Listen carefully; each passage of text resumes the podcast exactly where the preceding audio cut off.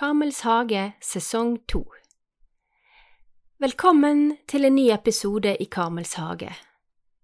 Vi er fortsatt preget av påskens jublende glede, og vi ber fortsatt om at denne gleden skal få stadig dypere del i våre liv, slik at den oppstandende Jesus Kristus skal få prege oss, hvordan vi tenker og hvordan vi lever.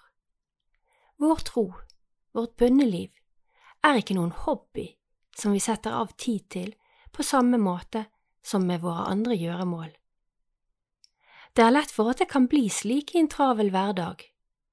Det er så mye som skal gjøres, og samværet med Gud blir en av disse. Men slik er det jo ikke. Guds nærhet er relasjon, og for oss arme mennesker forvandling. Vår bønn til Gud er et rop om hjelp, både for oss selv og for vår verden. Når Gud trer inn og forvandler oss gjennom sin nærhet, vil Han også gjøre oss i stand til å bringe denne nærheten videre til våre medmennesker. Ikke på noen diffus, upersonlig måte, gjennom sosiale medier, men konkret i våre liv, i våre møter med andre. I dag skal jeg lese for dere en artikkel som går i dybden på dette. Den er skrevet i 2012 av den daværende ordensgeneral i Karmelittorden, fader Saverio Canistra. Den er fortsatt like aktuell. Den ble oversatt av den gang munk, nå biskop, Erik Varden, og trykket i Sekularkarmelittenes blad ved Elias Kilde høsten 2016. Vi ber sammen. Kom, Hellige Ånd, fyll dine troendes hjerter og tenn i dem din kjærlighetsild. Du som gjennom de mangfoldige tunge mål samlet alle folkeslag til troens enhet. Send ut din ånd, og alt skal bli omskapt, og du fornyer jordens åsyn. La oss be, Gud, du har opplyst de troendes hjerter ved Den hellige ånd.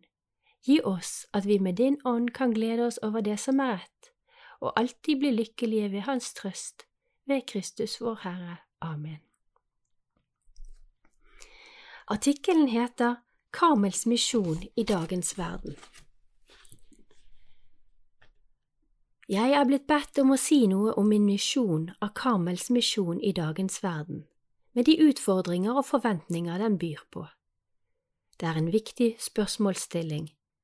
Ja, den er vesentlig og ikke bare rent teoretisk. Den betinger hvordan vi iverksetter våre foretak, hvordan vi innretter formasjonen vi gir, og hvordan vi investerer våre ressurser som i dag langt ifra strømmer over, særlig ikke i Europa. Nettopp fordi temaet er vesentlig, er ethvert medlem av den teresienske familie kalt til å si sin mening på et vis. Det finnes sikkert mange ulike oppfatninger Derved oppstår et videre spørsmål. Det angår pluralismen i tolkninga av vår karisma, vårt kall.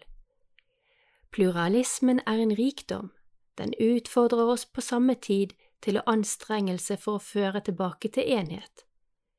Naturligvis skal vi respektere det legitime mangfold som oppstår ut ifra de ulike livsformer innen Karmels storfamilie. Brødre, nonner, sekularkarmelitter, aktive søstre, sekulære institutter og tilsluttede legfolk. Og ved Karmels allmenne utbredelse i svært ulike geografiske og sosiokulturelle sammenhenger. Når det er sagt, må legitim pluralitet aldri la oss miste av syne treets felles, felles rot, den felles karismatiske arv som identifiserer det teresianske Karmel i kirken, og utstyrer det med en misjon som er særegen og gjenkjennelig til enhver tid i ethvert himmelstrøk. Guds nærhet Hva er så den grunnleggende misjonen som ble Teresas Karmel betrodd fra opphavet av, og i det 16. århundre, da det moderne individ først fant sin kontur og sitt nye verdensbilde? Skal jeg si det med ett ord, vil jeg hevde at Johannes og Teresas Karmel er kalt fra slekt til slekt, og forkynne budskapet om Guds nærhet til menneskene, om den radikale forvandling Hans nærhet virker i menneskets erfaring av seg selv. En slik talemåte virker kanskje abstrakt og for spekulativ, men rommer faktisk Karmels konkrete virkelighet. Det er Karmels åsyn som består av noe puslete og fattig på den ene siden, og av noe absolutt og radikalt nytt på den annen. Øsende av Karmels rike tradisjon kan vi befatte oss med temaet nærhet på ulike nivåer. På det bibelske plan er profeten Elia forbildet vi møter først. Mens folket omkring ham vakler og går på avveier, står Elia i den levende Guds nærvær. Det at han står i Guds nærvær, betyr vel å merke ikke at han står stille. Leser vi den gripende beretningen om Elia, oppdager vi at den levende Gud snart trekker ham til seg snart sender ham i vei, for så å nærme seg ham på en måte han ikke kan ha forutsett. I en sped røst, står det gåtefullt på hebraisk. Erfaringen forvandler både hans gudserkjennelse og hans profetkarisma radikalt. Karismaen blir til lyttende oppmerksomhet, til tilbedelse. Maria er det andre store bibelske forbildet på Guds nærhet til mennesket. I Elias tilfelle kommer Guds nærvær til uttrykk i et pust som artikuleres og blir ord man kan lytte til. I Maria nærmer Gud seg mennesket så radikalt at det kan synes skandaløst og uoverkommelig. Ordet blir kjød, selv etter 2000 års kristendom er vi ute av stand til helt å fatte følgene av det som derved skjedde, av det faktum, altså, at Gud ikke lenger taler kun ved ord som uttales, men ved et ord som inkarneres. Dette er noe som bør endre vår selvforståelse, vår selverkjennelse som mennesker. Kjødet, det vil si vår historiske, legemlige tilstand, får oss ikke lenger til å stå fjernt og adskilt fra Gud. Tvert imot blir det til et sakrament av møte med Gud. Her har vi tilstrekkelig overveiet at det ikke finnes et fnugg av overfladisk sentimentalitet i kallet til Maria. Det står for inkarnasjonens skandalon, dens snublesten. Inkarnasjonen berører mennesket like inn i kroppen. Disse impulser er ment å forklare sammenhengen i et bibelsk paradigme som brukes med forskjellighet innen Karmels karisma. Vi kunne fortsette med temaet nærhet i det vide og det brede. Vi kunne utlegge det teologisk, parentes, og utdype at Gud tar bolig i oss, et stort mysterium, eller antropologisk, ny parentes, og oppdage at realiteten som står mennesket nærmest, ikke er menneskelig, men guddommelig. Deos interior intimo meo. Kun ved Gud finner mennesket frem til seg selv. Parentes slutt. Vi har her knapt tid til å antyde dette, jeg begrenser meg til å påpeke at denne form for utbrodering og fordypning ikke er tenkt som forskningsprosjekter i systematisk teologi, men som redskaper for å betrakte åndelige erfaringer som har preget flere store skikkelser i Karmel. De peker mot Karmels vei i kirken. På den veien er teologisk betraktning et forsøk på å assimilere og forstå det man har fått erfare i et levende forhold til Gud indre bønn. En klar oppfattelse av Guds nærhet ligger altså den karmelittisk-teresianske karisma på, på, hjertet. Den finner uttrykk, uttrykk i livsvalg som prioriterer forhold til og møte med Gud. Det er dette vi kaller indre bønn. Begrepet som sådan må vi holde fast ved, men vi har behov for å forstå det bedre for å sette det i sammenheng med den grunnleggende oppdagelse av en Gud som er meg nær. Jeg er fristet til å si at indre bønn, det er kjødet som blir bønn, hvis jeg får lov å uttrykke meg så dristig. Vår indre bønn svarer til ordet som vil bli kjød. Indre bønn er navnet vi gir en utført handling, parentes, et ergon, ville Aristoteles ha sagt, parentes slutt, i vår hverdag som karmelitter. Med henblikk på de to timers indre bønn Teresa stilte som bærende søyler i Karmels dagsløp. Dette er sant nok. Enda sannere er det dog å kalle bønnen en handlende handling, parentes energeia, parentes slutt, en handling som omfavner hele vårt vesen. Det er et indre forløp som beveger vårt vesen innenfra med samme sikkerhet som gjør at kompassnålen peker mot nord. Ved å ta imot den nære Gud, den Gud som ble kjød, forvandles menneskets væremåte her i verden. Ordningen Paulus forbinder med det gamle, mennesket, stilles i ubalanse. På samme tid oppstår en ny likevekt ikke uten paradoksale trekk. Den så nære Gud kaller mennesket til å fjerne seg fra sin egen subjektivitet, fra sitt ego, som vi gjerne forestiller oss separat og autonomt.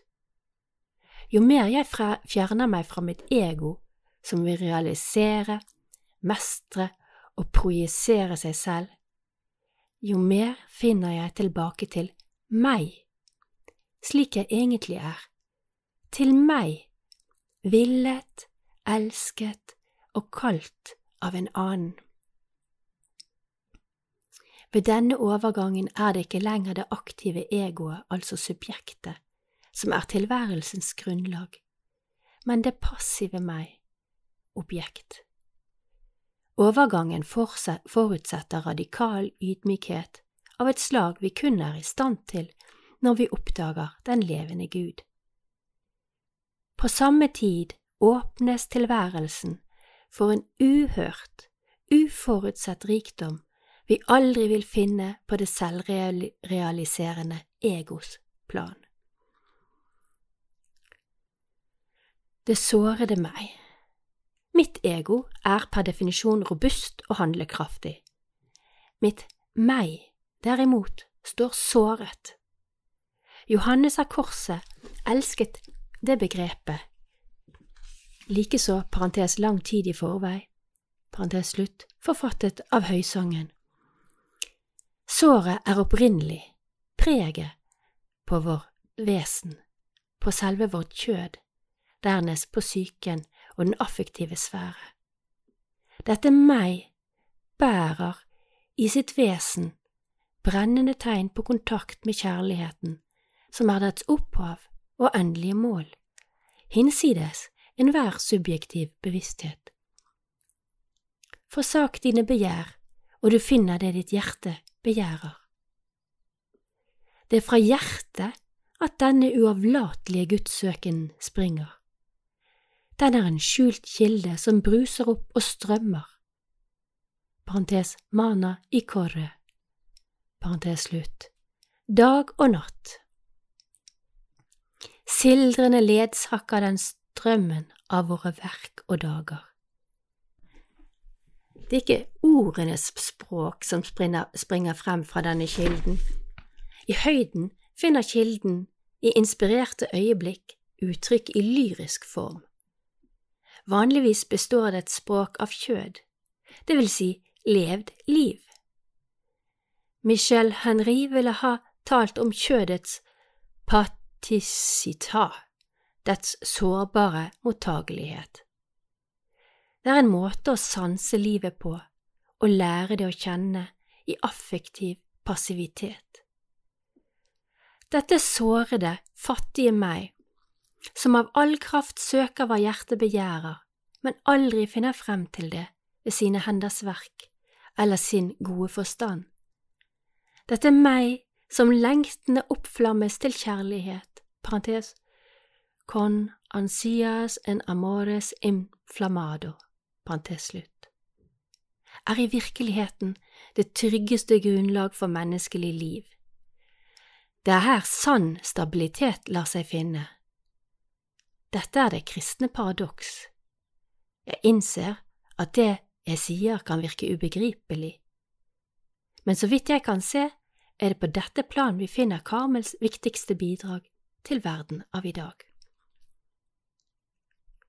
Å bli uttrykk for Guds velsignelse. Grunnfestet i sin erfaring av stille bønn har Teresas Karmel, tror jeg, et budskap til dagens mennesker i forhold til det som synes meg deres viktigste problem.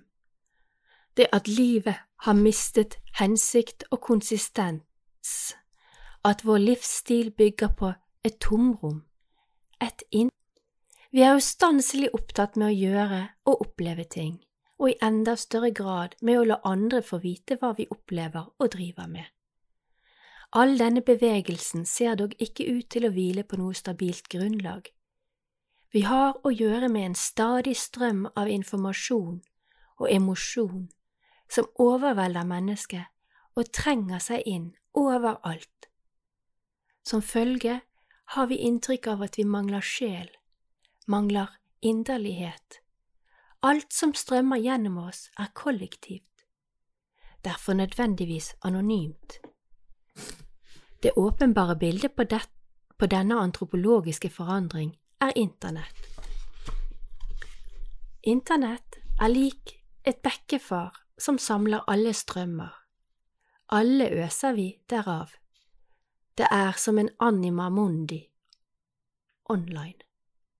Jeg lurer på om vi ikke har angst for livet som sådan, og derfor heller forholder oss til det virtuelle, reflektert i datamaskinens eller mobiltelefonens lille skjerm. Derved kan vi innbille oss at verden er lettere å hanskes med, at vi holder den under kontroll. Egentlig har det seg imidlertid slik. Hvis sjelen går oss hus forbi, går verden oss også hus forbi. Sankt Thomas av Aquino lærte oss at menneskets sjel på sett og vis er alt som er til. Anima est quoda modo omnia, det vil si, sjelen utgjør verden i den grad mennesket oppfatter verden, forstår den og gjør den til sin. I den grad vi slik inderliggjør, det vil si interioriserer, verden og gjør den til vår i vår bevissthet, handler vi på tvers av vanene fra vår kultur, som snarere gir bevisstheten uttrykk utad, det vil si eksterioriserer den, i en fremmedgjøringsprosess av konturløs opplevelse og kollektiv kommunikasjon. I den grad vi mister vår selvbevissthet, mister vi vår bevissthet av verden. Verden blir derved mindre menneskelig, på tross av alle fremskritt i tekniske og naturvitenskapelige vitenskapers sfære. Det er åpenlyst at en slik situasjon skaper uro. Vi føler at vi har gått oss vill. Derfor kan det være fristende å gå baklengs i retning av faste strukturer eller en strengt normativ lovgivning. Vi prøver å feste opp på den flytende, instabilitet som oppsluker oss. Så vidt jeg kan se, er stabilitet nådd på slike premisser rent illusorisk. Før eller senere raser den sammen under vekten av uløste problemer, det være seg av eksistensiell, psykologisk eller affektiv art. Slik risikerer vi at ideologi pålegger historien sin egen målestokk og plan istedenfor å trekke frem fragmentene av sannhet den historiske virkelighet tross alt bærer. Det det annet Vatikankonsil kalte tidens tegn. På sett og vis har vi ikke noe valg, vi må vandre fremad, vi må anta den virkelighet som omgir oss, som vår. På det grunnlag får vi så prøve å skjelne hvorhen Den hellige ånd ønsker å lede oss. Jeg tror ikke tiden er kommet, parentes, skulle en slik tid ha funnes noensinne, parentes, for å føre korstog mot verden, eller for å bygge bastioner. Langt heller tror jeg det er kirkens misjon å påta seg verdens smerte, dens pinende angst og utmattende søken.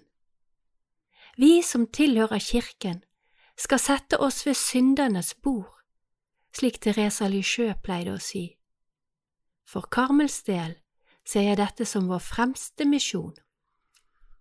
Å pleie nærheten til dagens mennesker, for slik å formidle Guds nærhet til dem.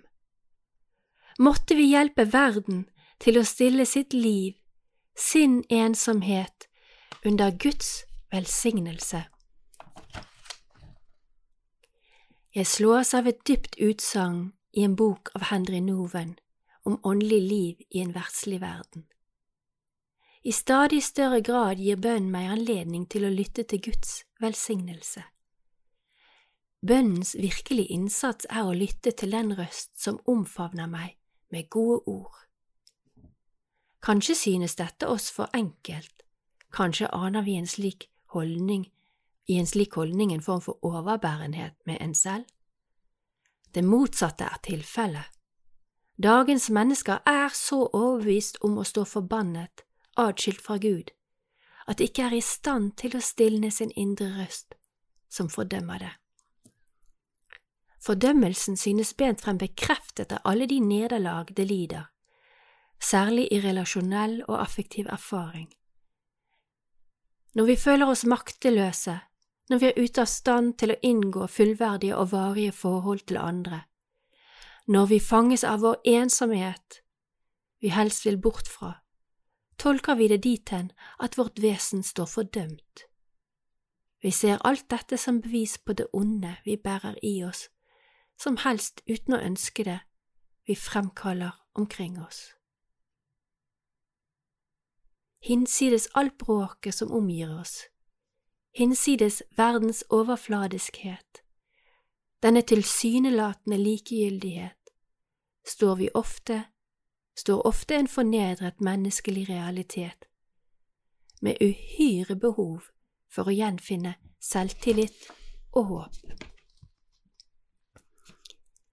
Teresiansk stille bønn kan vise sin fulle verdi og evangeliserende kraft i en slik sammenheng.